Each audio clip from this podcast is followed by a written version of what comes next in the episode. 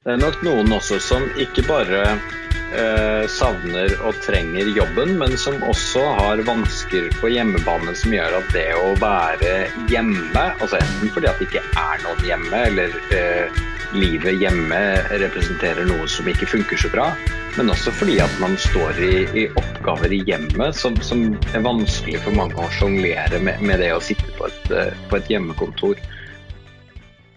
Hei og velkommen til podden min, en podkast som tar opp temaer som er relevante for arbeidslivet. I dagens episode skal vi snakke litt om hvordan covid-19-pandemien har påvirka eh, arbeidstakere med fokus på mental helse. Sammen med oss i dag har vi med oss Gry Myklebust fra Telenor og Jørgen Flor som er psykolog. Eh, Gry, du kan fortelle litt om, om deg sjøl og hvor du kommer fra? Ja, hei, hei. Takk for invitasjonen til å være med. Jeg heter altså Gry Myklebust. Jeg er jurist og jobber i Telenor, i en enhet som har ansvar for arbeidsrett, forhandlinger og partssamarbeid på konsernnivå. Så vi sitter sammen med et HR-miljø eh, som har eh, mange andre typer bakgrunner også. Men i min enhet så er vi fire jurister. Så et lite, tett miljø, men med nedslagsfelt i alle de norske Telenor-selskapene i gruppen. Eh, Jørgen, hvem er du? Jo, eh, jeg er psykologspesialist. For tida så jobber jeg med, med på, på, noe som heter regional sikkerhetsavdeling. Eh, og Det betyr at det er pasienter som er dømt til behandling eller som er veldig syke, og som vi må passe på sånn at de ikke gjør noe, gjør noe voldelig eller kriminelt eller noe, og prøver å hjelpe de også. Før så har jeg jobba med, med, med mer vanlige psykiske problemer, da. Så jeg har skrevet en bok og gjort litt sånn forskjellig. Ja, så spennende. Eh, da har du kanskje vært borti litt sånn eh, krisehåndtering og folk som har vært eh, overfor store forandringer i livet sitt. Og det er jo ikke noe tvil at når pandemien kom og ting stengte ned, at det var en stor påkjenning for mange. Kan du fortelle litt om hva skjer med et menneske når man står overfor en sånn stor overgang som er litt ukontrollert? Jo, det er jo altså Stress har jo blitt et sånt begrep som vi bruker veldig lettbeint. Men, men, det er jo en stressreaksjon ikke sant? når vi føler at vi ikke har helt uh, kontroll på det som skjer. Og det er jo ofte det som det, og det er det som er spennende med denne koronapandemien også. fordi uh, alle har opplevd en eller annen grad av endring eller stress eller et eller annet ytre som har påvirka hverdagen. Og så er spørsmålet hvordan håndterer vi det? Og det er der det begynner å bli interessant. For noen så, det, så opplever de ikke at, at de ikke har eh, ressurser eller overskudd, eller klarer å løse det her på en eller annen ålreit måte. Og da kan det bli trøbbel. Altså psykisk trøbbel, og det kan bli fysisk trøbbel av det psykiske trøbbelet og i hele tatt. Men så er det nok også ganske mange av oss som jo har blitt stressa og opplevd det som ubehagelig og krevende, men så har vi også en opplevelse av at dette får vi til. Dette løser vi. Sånn at vi henter ressurser på andre steder. Så det tror jeg blir en helt sånn grunn, veldig forenkla og grunnleggende, men likevel ganske viktige forskjellen. Eh, alle opplever et eller annet ytre stress i forbindelse med denne pandemien. Noen, eh, noen løser det ganske OK, andre får ikke løst det. Så det blir stående i en sånn vedvarende.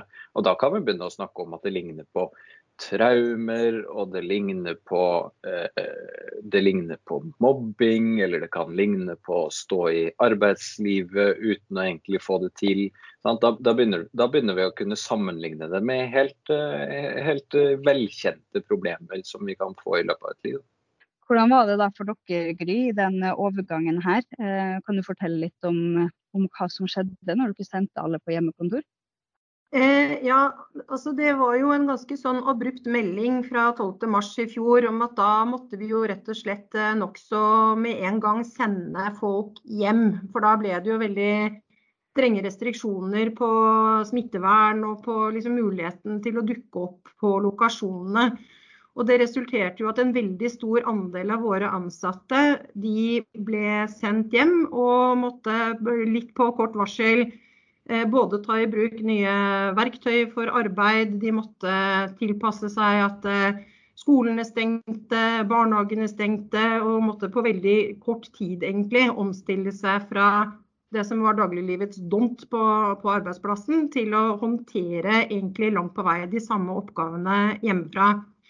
Eh, og det var eh, veldig raskt på banen for vår del med å, nedsette en type sånn beredskapsgruppe internt som håndterte Eh, alle løpende endringer fra myndighetene, smitteverns, altså ta stilling til smittevernsberedskap og alt mulig sånn. Men i starten så så vi jo at det var nok i størst av alt en veldig sånn kraft i en tanke om en slags dugnadsånd i og med at dette skulle man få til, og man jobbet på. Og motivasjonen har vel nesten aldri vært høyere i rapporterte medarbeiderundersøkelser enn det det var på vårparten 2020. Og Det tror jeg handlet om en kombinasjon av at folk eh, virkelig så nytteverdiene hva de holdt på med. Det med nettilgang, mobiltelefoni, alle de tingene som vi driver i våre operasjoner, ble liksom viktigere enn noen gang for alle andre også, som skulle, skulle sitte på hjemmekontor. Så det var nok en veldig sterk følelse av å være til sterk nytte, og en nesten litt sånn panegyrisk holdning til at jøye meg, vi klarer jo å drive alle våre operasjoner eh, akkurat som før. Selv om noen måtte lære seg liksom hvordan de skulle skru på kameraet på PC-en sin og plutselig være med i masse virtuelle møter med masse unger flyvende rundt og sånn, så var det i startfasen en veldig positiv drivkraft rundt dette. Og så var det eh, samtidig, så det kan vi jo komme litt tilbake til sikkert, men eh, det var jo noen av oss som hadde en viss mistanke om at dette var en situasjon som kanskje med tiden, hvis dette ble langvarig, kunne komme til å endre seg litt. Og det, det har det i og for seg også gjort, og det er jo litt i tråd med det Jørgen sier. ikke sant, at eh, man kan sitte med en følelse av at dette skal vi få til og sånt nå, fordi man litt sånn adrenalinkicksmessig går inn i å håndtere det som er en akutt oppstått krisesituasjon. Men den er ikke akutt oppstått lenger når det har gått tolv måneder i samme myra. ikke sant? Sånn at eh, det, det, kan vi jo si litt mer om etter hvert sikkert. Men, men det, det, har ikke vært opprettholdt en eh, sånn voldsom form for lykkerus over at vi fikk dette til, det har vi sett etter hvert som vi har undersøkt dette gjennom de månedene som har gått da, siden, siden 12.3 i fjor. Ja, det er jo helt klart um, at det tar på, og det går litt framover. Så, så, hvordan er det nå et år etter? da? Eh, ser dere mye at det har vært um, redusert arbeidskapasitet hos noen arbeidsgivere? Er det mye sykemeldinger som er for tida? Nei, eh, sykemeldingstallene har vel heller gått ned enn opp. Og det er jo ikke så unaturlig på mange måter. ikke sant? Fordi at For det første så har jo folk rett og slett blitt mye mindre syke av andre ting gjennom dette året. Det er jo grenser for hvor mye omgangssyke og influensa folk har fått ikke sant, de siste tolv månedene. Men på en annen side så jo, ser vi jo på en måte utvikling i mer uheldig retning på andre områder. Altså det å sitte hjemme Eh, i litt sånn passe tilrettelagte lokaler, da, som jo ikke primært er beregnet på at folk skal sitte og arbeide der nødvendigvis. Det gir jo noen fysikalske utfordringer, ergonomiting har kommet på. Folk får eh, vondt i hodet av å sitte foran en skjerm hele dagen ikke sant, og sånn. Eh, og det er nok også eh, en litt økning på type henvendelser f.eks. til bedriftshelsetjenesten vår og til til de vi har kontakt med gjennom eh, helseforsikring, hvor også psykologbistand er en del av det. Det har økt noe. Ikke radikalt mye, men noe.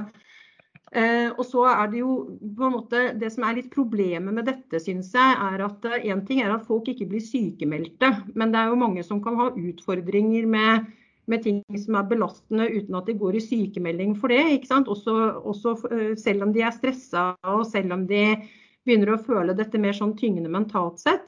Eh, så opplever jeg at folk har en ekstremt stor eh, kraft til å, til å holde på og sånn. Og så skal man være klar over og veldig oppmerksom på, syns jeg, som arbeidsgiver, at det betyr jo ikke nødvendigvis at folk har det spesielt lett og enkelt likevel.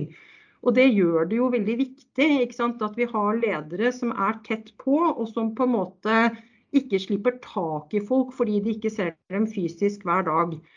Og en av utfordringene med det for mange ledere, selv om tilbakemeldingene i medarbeiderundersøkelser er at de fleste føler at de blir veldig godt ivaretatt og fulgt opp av sin egen leder, det er jo at man gjennom en sånn type virtuell kontakt som vi holder på med hele tiden nå, så mister man også noe. Man mister noe i kommunikasjon, man mister noe i å kunne lese folks kroppsspråk. Det er mm. faktisk nesten ikke mulig å se hverandre i øynene når du sitter på Teams.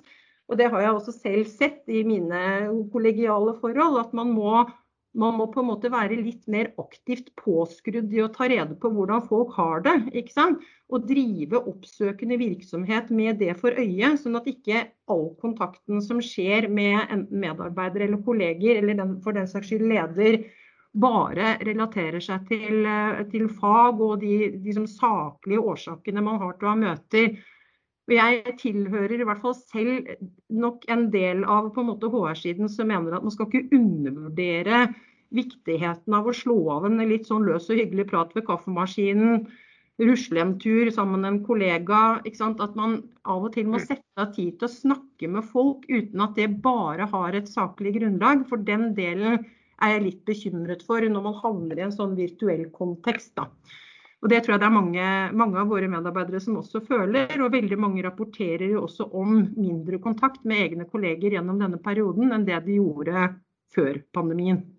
Jeg, jeg tror jeg du er inne på noe helt sentralt, Gry. Også, jeg tror vi fort kan undervurdere viktigheten av arbeidsstedet som en sosial møteplass. At vi kan tenke på det som en sånn Vi går på jobb for å få betalt og for å utøve noen arbeidsoppgaver og sånn, og så, og så kan vi flåse litt med den der at det nesten er som en distraksjon fra arbeidet, det å møtes rundt, rundt kaffemaskina. Men, men, hvor viktig det er i menneskers liv å ha den møteplassen som, som, arbeidsstedet faktisk utgjør, og at vi kan, at vi ser nå, at vi kan faktisk ikke erstatte dette digitalt. Det handler kanskje til og med om, eh, om, om, om en klem, det handler om berøring, det handler om blikk. Det handler om så mye mer enn en også bare ordene. da. Så, så det, det, har jeg tenkt en del på. Jeg er veldig nysgjerrig på hvordan dette over nå Det er jo et kjempeeksperiment det vi holder på med, eh, og hvordan det over lang tid påvirker og jeg tenker, jeg tenker, det generelt, men, men, men, det er også eh, helt åpenbart at det er noen grupper av mennesker som, som, bor alene og som har arbeidsplassen som sitt viktigste sosiale møtested. Da. Ja, Da kan jeg kanskje skyte inn at uh, akkurat det har vi jo sett. Uh, vi, når vi gjør disse medarbeiderundersøkelsene hos oss på ulike temaer, så, så ser vi jo også på hvordan folk svarer ut fra f.eks. hva slags alderskategori de tilhører. Eh, og det som har vært, eh, altså Nå ville det jo på en måte vært bekymringsfullt uansett hvilken alderskategori som rapporterte at eh, de hadde fått det verre enn før, på en måte, som sett fra et arbeidsgiverståsted. Men det som i hvert fall veldig tydelig var klart, var at de som fortest rapporterte om en synkende motivasjon etter den første på en måte litt sånn ordentlig oppturaktige følelsen på vårparten i fjor, det var de yngste arbeidstakerne. Eh, altså de som var i alderskategorien 35 og yngre. Og så skal det sies at nå har de som er litt eldre, har tatt dem igjen i synkende motivasjon. Men, men i startfasen så tenkte vi og har på en måte fått et inntrykk av at mye av årsaken til at de yngste rapporterte eh, om dette først, det var vel mye fordi at der har det vært en større andel ikke sant, som ikke lever et etablert familieliv, hvor det nødvendigvis er eh, masse andre folk i huset og sånt nå, og som har hatt en stor del av sin sosiale tilhørighet og kontakt på arbeidsplassen med andre kolleger. Eh, og fordi at, eh, som vi var inne på i stad, at disse virtuelle møteplassene ikke gir helt den samme følelsen av tilknytning og bygging av kultur og tilhørighet og sånn nødvendigvis i lengden, så har det liksom vært eh, litt en bekymring og noe vi har måttet uh, ta tak i. Og det har vi bl.a. gjort ved at vi har delt alle disse resultatene med lederne, også ned på, på måte, hvordan dette bildet ser ut ut fra alder. Og det har vært nødvendig å gjøre noen grep for å sørge for at folk som f.eks bor alene, eh, og som har eh, rapportert tilbake at de begynner å slite med å være ensomme og ikke treffer eh, folk, og ikke får de møtt venner og ikke får de gått på treningssenter og ingenting. De har vi til en viss grad måttet lage dispensasjonsløsninger for, sånn at de har fått lov til å komme på jobben. Selv om vi egentlig har hatt en veldig strikt politikk på at folk skal sitte så langt som råd er på hjemmekontor. Eh, og da, I noen miljøer da, så har det også vært nyansatte for eksempel, ikke sant, som ikke kjenner noen av kollegene. Det gjør det jo ikke akkurat noe særlig enklere å skulle drive, verken å bli kjent eller ha noe stor grad av sosial kontakt. Så der har man på en måte håndtert saker gjennom denne beredskapsgruppen i samråd med lederne og åpnet opp for å gi muligheter for at de som syns dette begynner å bli trøblete, at de skal slippe å sitte alene hjemme på hybelen på en måte. Og det, eh, det har jo bidratt eh, en del til å løse problemet for noen. Og så er det nok fortsatt eh, sånn at det, er, det begynner å tære på da, for mange nå etter så lang tid. Og etter hvert altså da ikke bare de som er under 35, men også de som er i eldre arbeidstakerkategorier. Eh, og det er jo eh, heller ikke noe sånn veldig pluss i den sammenhengen at eh, det stadig vekk har vært nye runder med at skoler og barnehager har vært stengt ned. og så sitter du plutselig kanskje også for de som er litt eldre, da, med en eller annen partner og noen barn på hjemmeskole og sånn, hvor du må på en måte nærmest nomade rundt i ditt eget hjem i jakt etter et eller annet sted. Du kan sitte noenlunde i fred for å koble deg på Teams. ikke sant? Sånn at det, Dette er ikke utelukkende et problem for yngre arbeidstakere, men de var i hvert fall først ute da, med å si at dette var krevende. Jeg tenker Dette er jo dette er jo en sånn god synliggjøring av Dette, dette er arbeidsgivers eh, ansvar for, for, for, en slags forebygging av psykiske lidelser, for, å si for å ta i litt. ikke sant? Altså, eh, ikke, tar ikke arbeidsgivere ansvar for disse tingene som Gry snakker om nå, så risikerer vi at man utvikler psykiske lidelser på, i en helt annen forekomst tenker jeg, enn, enn om hvis man gjør det. Uh, og jeg tror det er helt riktig å kalle dette forebyggingsarbeid, faktisk. Selv om, selv om, selv om man kan tenke at det har oppstått en krise akkurat nå, så, så er det en slags sånn brannslukking også. Men, men, det forebygging av psykisk lidelse, det er jeg helt sikker på. Så, så her har vi her har, her har, arbeidsgivere rundt om i landet en, en stor mulighet eh, til, til, å både nå aktivt jobbe med, med, med, psykisk helse på en annen måte. Jeg synes det er et godt eksempel. Noen, og, og, og, og først skaffe til veie informasjon om hvem er litt sånn hvem bor alene, som du sier, Gry? Hvem, hvem, hvem er en slags sånn risikogruppe eh, som, som, trenger mer fra arbeidsplassen sin enn kanskje andre? Og så prøve å identifisere de, og rett og slett gjøre en vurdering av at nei, akkurat for disse så er det nødvendig å komme litt mer på jobb. Eh, så her, her, gjør vi en kalkulert vurdering av risiko for smitte opp mot risiko for sykemelding, psykiske lidelser osv. Jeg tenker dette er helt sånn nødvendig å, å, å få med inn i arbeidslivet. Dette, eh, hos oss da, så har vi jo i hele denne perioden hatt et veldig tett samarbeid med, med bedriftshelsetjenesten, har jeg vært inne på. Men vi har jo også hatt et veldig tett samarbeid med våre tillitsvalgte og med vernetjenesten sant, i, i, det arbeidet. Og sånn sett så kan du jo si at eh, Telenor, som jo er en veldig stor aktør, og dermed har eh, en god del administrative ressurser til å både undersøke ting og følge med på utvikling. og Vi, kan, eh, vi har gode ordninger. ikke sant? Vi kan eh, tilby folk betalte psykologtjenester. og vi, vi, har jo på en måte et ganske stort verktøysett vi kan bruke.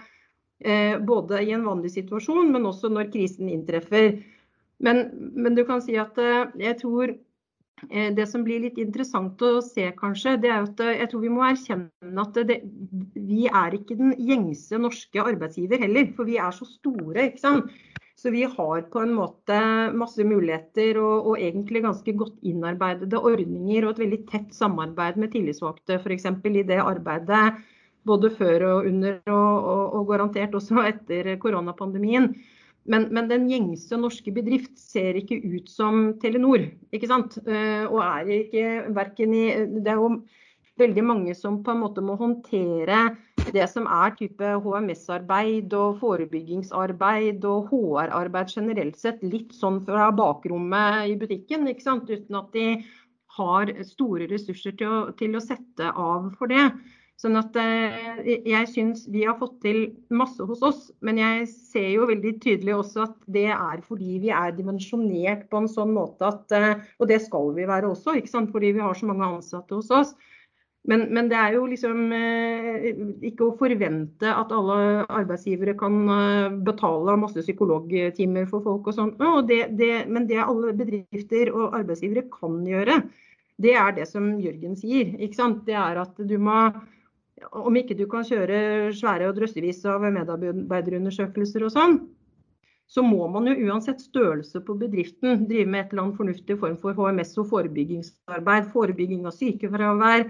Og vi ha en eller annen sånn eh, litt grunnleggende tanke om hvor risiko kan oppstå sant, i en sånn situasjon.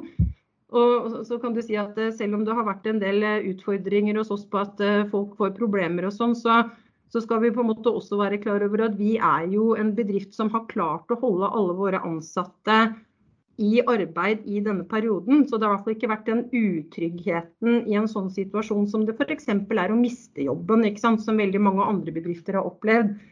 Vi har ikke måttet permittere noen. Vi hadde riktignok en, en pågående restruktureringsprosess og nedbemanning som gikk helt parallelt med det som skjedde på vårparten i fjor, for den var påbegynt av andre årsaker. Altså, det hadde ikke noe med pandemien å gjøre, men vi var i en nedbemanningssituasjon. Eh, men der også så har vi jo liksom eh, helt andre og, og, andre og bedre virkemiddel i ermet enn mange andre har mulighet til å ha. Vi har gode sluttavtaleordninger. Vi har eh, kriseberedskap i vanskelige samtaler med psykologer on site på lokasjonene våre vi har på en måte et stort apparat da, som håndterer disse tingene. Og det som er litt interessant å se synes jeg, etter hvert, og som mm, på en måte kanskje blir et poeng for myndighetene å se litt nærmere på, det er jo på en måte hva slags type hjelpemiddelapparat man kan eh, ruste arbeidsgivere som ikke har et sånt nasjonale ressurser å spille på, sånn at eh, alle kommer på et sånt minimumsnivå da, av å kunne drive med med fornuftige tiltak og forebyggingsarbeid sånn på arbeidsplassen. For der eh, tror jeg ikke vi skal på en måte tro at vi er liksom eh, eh, nødvendigvis representative for det norske arbeidslivet, egentlig. Jeg tenker at denne kulturen, da, den, den liksom Det å kunne tenke på arbeidsstedet som noe mer enn bare en plass å gjøre arbeid, det kan du gjøre også i din lille butikken med bare noen få ansatte. Altså du kan faktisk ha, og, og, og, så, så, på et vis så handler det om man kan snakke om holdning og kultur, men det handler vel også vil jeg tro, om, om kompetanse og innsikt.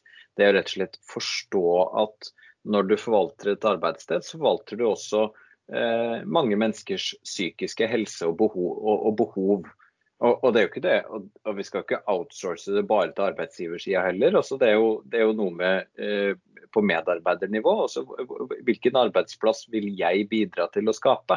Eh, når noen spør meg etter eh, en, lang, etter en lang periode med enten permittering eller butikken går ikke rundt eller noe sånt, så kommer vi og møtes på jobb igjen. Eh, hvordan snakker vi sammen da? Sier vi, sier vi på det vanlige spørsmålet hvordan går det? Nei, det går helt fint. Eller, eller, eller, eller, bidrar vi litt mer? Snakker vi om hvordan vi har det? Hvilken kultur legger vi selv også opp til da, for at et sånt arbeidsmiljø skal være hva skal vi kalle det, støttende, empatisk, medmenneskelig. Altså helt sånn var, varme verdier på et vis. Så, så, vi kan jo forvente noe fra arbeidsgiverhold, men vi kan også tenke over hva vi selv, hvordan ønsker vi selv at arbeidsplassen vår skal være. da. Jeg tror eh, at eh, eller En dimensjon ved det der som jeg har tenkt på noen ganger, og som jeg syns jeg har sett noen eksempler på både her jeg jobber nå, men også i, tidligere tider i andre stillinger jeg har hatt, da, det er at eh, Eh, jeg tror at det, det, er en terskel litt for å begynne å grave for mye i spørsmålet hvordan går det, hvis du tenker at du etter det spørsmålet skal sette på hvordan går det egentlig. Fordi det er lett eh, å stille det spørsmålet, og så vil mange tenke at man forventer et svar på det, som er jo takk, det går ganske bra. Eh, og så gir man seg der. ikke sant? og jeg er i hvert fall tilhenger av at man, man må ikke være så redd for å spørre spørre om det. Eh, I hvert fall ikke redd for å spørre om det i frykt for å få et reelt svar, på en måte. Fordi at eh, det er, eh, og det ser jeg jo litt, er, det er en vanskelig balansegang ofte også. ikke sant? Fordi at som leder eller arbeidsgiver, så skal du f.eks. ikke drive og blande deg inn folks diagnoser. og du, Noen vil nok føle seg litt sånn engstelige for å dra de spørsmålene for langt i frykt for å på en måte grave i noe som de strengt tatt ikke har noe med. Så det er jo en litt sånn kommunikasjonsmessig balansekunst på en måte. Samtidig som at eh, jeg, da skal jeg jo snakke litt på mine egne vegne kanskje, men, men jeg har tenkt at det er bedre å åpne litt på de spørsmålene, uten at du skal drive og på en måte spørre noe om noen diagnosekoder eller noe sånt. Men, men hvis, hvis, du skjønner at uh, svaret på det er egentlig ikke at det går helt greit, så bør man ikke gi seg der heller, men grave litt da, hvert fall, for å prøve å, å, få, å, få, vippet noe litt mer ordentlig og reelt svar ut av det. For det er, uh, det er nok mange som føler, og Det gjelder jo ikke bare mellom leder og ansatt heller, selvfølgelig. ikke sant? Der er det jo også like mye et kollegialt ansvar egentlig, i å passe litt ekstra på hverandre. Eh, og det, Der tror jeg kanskje at eh, mange har litt en vei å gå da, i å ikke liksom miste motet av at det svaret kanskje kan komme til å være litt krevende. Rett og slett fordi at folk er ikke helt sikre på hvis det først går dårlig, hva skal jeg gjøre da, liksom. Eh, og det er jo noe som det også er viktig å både ha en dialog med, med ledere om, ikke sant, og med sine egne kolleger om. Og sånn, og jeg er helt enig i at det å bygge en sånn form for kultur, det er et kjempe, kjempeviktig tema. Eh, for å sørge for at uh, psykisk helse ikke blir en sånn uh, uhåndterlig klump som ingen tør å nærme seg. Vi har alle en psykisk helse, ikke sant. Og de fleste av oss vil også opp gjennom livet komme til å ha problemer med den psykiske helsen på et eller annet nivå. Og da tenker i hvert fall jeg at eh, det, man har snakket forferdelig mye om dugnadsånd de siste tolv månedene. Men akkurat der tenker jeg at man skal ha litt dugnadsånd. Sånn, ikke bare når det er pandemi, men litt sånn på det jevne også, egentlig. da. Fordelen med pandemien er jo at alle, selv om det ser ut som det går bra med de fleste og majoriteten, og sånn, så, så, har jo alle kjent litt ekstra det siste året. Sånn at vi kan nesten legge til grunn at når vi spør ja, hvordan har det gått, da, eh, så har, så har vi noen historier alle sammen nå om, om, at man måtte gå en ekstra tur ut fordi at det rakna litt hjemme, eller jeg begynte å bli så lei, eller altså Man har noen sånne historier som man kan by på. og det kan vi For jeg tror at når man først stiller disse spørsmålene, da, som Sigrid Um, så, så, er det, så, er det, klart at vi, vi tenker kanskje at, uh, at, at, svarene Hvis svarene blir for dystopiske og kjipe og vanskelige, så har vi et problem. Men nå så tenker alle sammen at vi forventer nesten litt sånn kjipe, vanskelige historier. Og da er det jo greit. Så da har vi en gyllen mulighet egentlig til å bruke dette til å, til å faktisk snakke om at av og til er det, er det tungt og kjipt.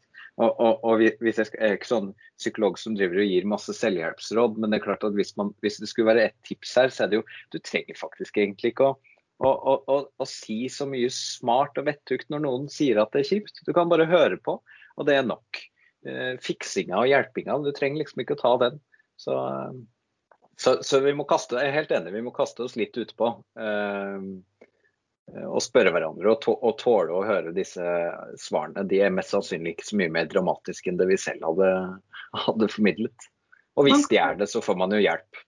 Man kan kanskje håpe på at eh, det at man får litt trening i det nå, at det er liksom noe som vil eh, falle seg litt mer naturlig også når pandemien begynner å gå litt over. Det, at man har blitt såpass vant til å Eh, å ha den samtalen om at eh, det er litt vanskelig på den ene eller andre fronten, at terskelen for det blir litt mindre framover i tida. Hvis man skal prøve å se et lyspunkt i den pandemien, så kan det kanskje være et av dem. Jeg tror vi alle har en forventning, men det går fort over. vet du. Når dette blir bra igjen, så har vi glemt hele greia. Har vi glemt hvor kjipt det var. Så begynner vi å si at det går bra når folk spør igjen. Ja, det kan jo være litt vanskelig å fange opp sånne ting når man sitter digitalt. Og du snakka litt Gry om det med å eh, oppfordring til å ta en, ta en, kaffe med en kollega, gå en tur eller noe sånt. Eh, men har dere, har dere, satt inn noen tiltak noe organisert eh, for å på en måte oppfordre til sosialt samvær også på hjemmekontor?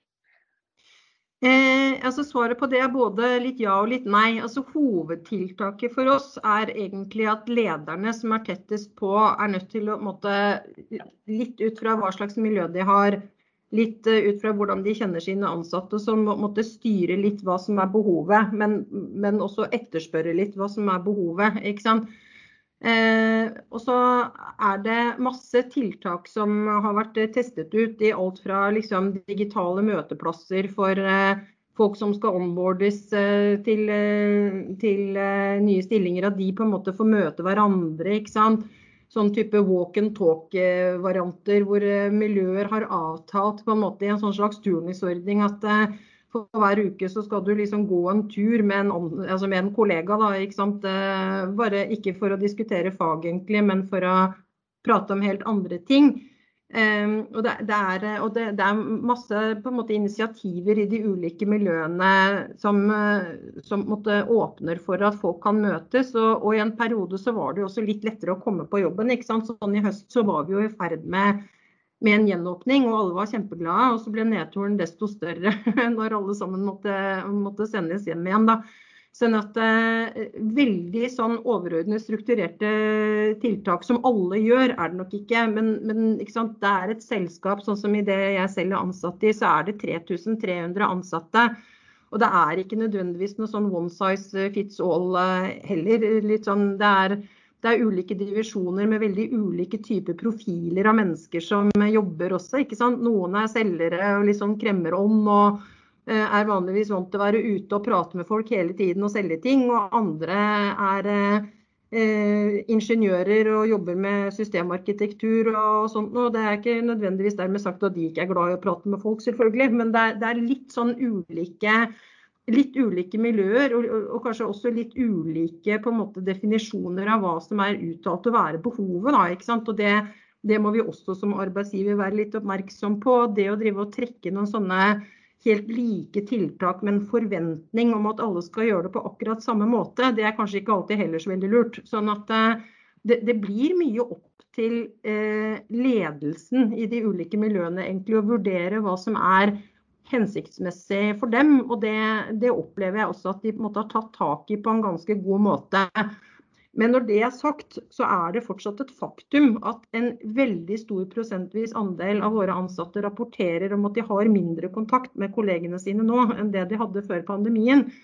Så det, det er ikke noe vi på en måte skal gå rundt og tro at vi har løst opp i sånn uh, umiddelbart. Altså, det, er, uh, det er vanskelig både å finne treffsikre tiltak som kan passe for alle, og, og på en måte holde full kontroll på på om alle er enig i det som enheten sin mener er lurt. Det er ikke nødvendigvis sikkert heller. Det er jo folk vi snakker om, med litt ulike innfallsvinkler og behov. Så det, vi må på en måte prøve å, å, tilrettelegge litt for det. Og den enkleste måten å gjøre det på, er jo langt på vei at de som er tettest på hverandre, finner litt ut av det sammen, da, egentlig. Ja, og når det kommer til eh, tilpasning til hjemmekontor, eh, så snakka du litt om tillitsvalgte har vært inne. Det, eh, har det vært gjort noen tiltak for å hjelpe og støtte med verktøy uh, som kan gjøre arbeidshverdagen litt bedre på hjemmekontor? Ja, altså eh, Telenor var jo veldig tidlig ute, allerede før sommeren i fjor, eh, med å si at dette med hjemmekontor har gått så kjempebra at det tror vi er kommet for å bli, og ønsker å legge til rette for en stor grad av fleksibilitet.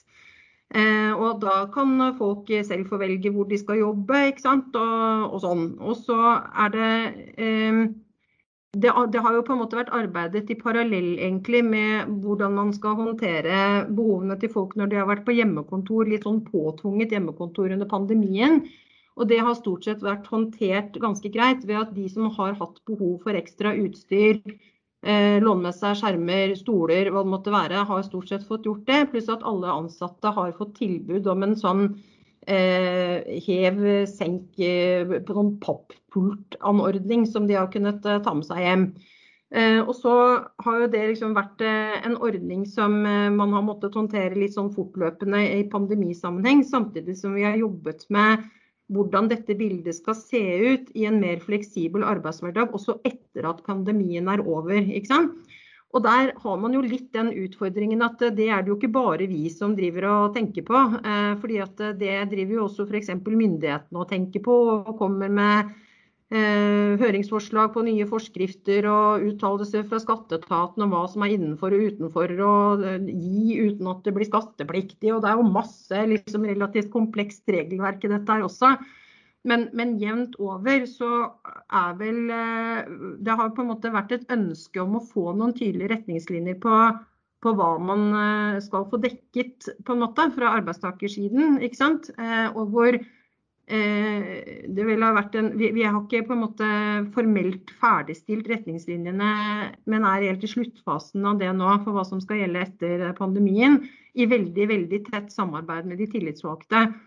Eh, og da, eh, etter hvert som det arbeidet har eh, pågått, så, så lander det nok nå på at man kommer til å legge ganske mye til rette for at folk har helt sånn decent arbeid, arbeidsverktøy og sånt nå hjemme. ikke sant? At det skal være mulig å få bestilt noe type sånn tilleggsutstyr av headset og tastatur og mus og kanskje en og annen skjerm og sånt for å få med seg, som, som vi stiller, eller som arbeidsgiver stiller til rådighet, på en måte. Eh, og så dukker det jo? Det er alltid sånn i sånne overganger til nye ting at det dukker opp masse spørsmål om dekning av det ene og det andre og tredje og sånt nå, men hvor vi liksom har landet på en sånn form for slags omforent utstyrspakke da, som vil bli tilgjengeliggjort for de som kan sitte på hjemmekontor. Og så er det jo ikke alle hos oss som kan egentlig nødvendigvis så lett sitte på hjemmekontor heller, fordi de rett og slett har oppgaver som er underlagt spesiell type lovgivning for sikkerhet eller eh, sant, systemer eller sånne ting som gjør at uh, den fleksibiliteten vil ha noen grenser for seg. Og så vil jeg også legge til, selv om vi forfekter veldig sterkt at det er positivt med fleksibilitet for folk, så tror jeg på en måte fra det utgangspunktet om at eh, hjemmekontoret har gått kjempebra, det vil vi gjøre masse av videre, så har det på en måte nå kommet en erkjennelse av akkurat de tingene vi har snakket om. Da, At eh, det er eh, viktig for kultur og tilhørighet og kompetansedeling og samhandling og alle disse tingene. Og, og på en måte også psykisk helse, ikke minst. Ikke Psykososialt arbeidsmiljø. Å møtes og være på jobben. Sånn at Jeg har ikke noe tro på at dette kommer til å ende med at uh, noe sånn stort flertall av våre ansatte kommer til å uh, ha et ønske om å sitte på hjemmekontor som det eneste de skal gjøre. Men men det vil være en økt grad av mulighet til å gjøre visse valg på det selv, i større grad enn det har vært tidligere. og det, det tror jeg vil være eh, positivt eh, potensielt også for liksom stressnivå og det å få sånn type work-life balance og hverdagen til å gå opp og sånn. Men man må, jeg tenker at man skal, man skal på en måte ha i bakhodet at eh, det å møte folk er også viktig. Så, så det må man, alle, alle, som vil komme på jobben, skal få komme på jobben hos oss. Det er det ikke noe tvil om. Så det er klart at det er nok, eh, det er nok noen også som ikke bare eh, savner og trenger jobben, men som også har vansker på hjemmebane som gjør at det å være hjemme, altså enten fordi at det ikke er noen hjemme, eller eh, livet hjemme representerer noe som ikke funker så bra, men også fordi at man står i, i oppgaver i hjemmet som, som, er vanskelig for mange å sjonglere med, med, det å sitte på et, eh, på et hjemmekontor. Eh, altså det kan være hund og barn, og det kan være kone og mann og det hele tatt. Eh, og, og, det er klart at eh, de aller fleste vil ha problemer med å, å etablere på, på, arbeidsplassen så får du strukturen gratis. De fleste går til lunsj noenlunde på samme tidspunkt. Eh, det blir ganske tydelig hvis du blir sittende på, på, i åpent landskap eller på kontoret ditt og ikke spise lunsj. Det kan du holde på med en stund, og så, og så begynner folk å spørre eller legge merke til det. Eh, mens alle mulige sånne type ting, den strukturen, det å bli ramma inn eh, det, det, forsvinner på hjemmekontoret, og isteden så får du kanskje en tilleggsbelastning eh, fra, fra, og press. Og Det er klart at det er ikke alle mennesker som er i stand til å stå i det, og de aller fleste av oss vil ha problemer med å stå i det over tid uansett. Og så det er bare å se på de som jobber uten struktur, som er selvstendig næringsdrivende eller som driver arbeidshverdagen sin eh, framover på, på egen, egen, hånd. At, at eh, det, det, er de færreste som faktisk er i stand til å holde på med over lang tid. Sånn at, eh, det er både det hva, jeg, hva arbeidsplassen tilbyr som positivt, men også det som eh, hjemmekontoret kan representere av ekstra belastninger og utfordringer.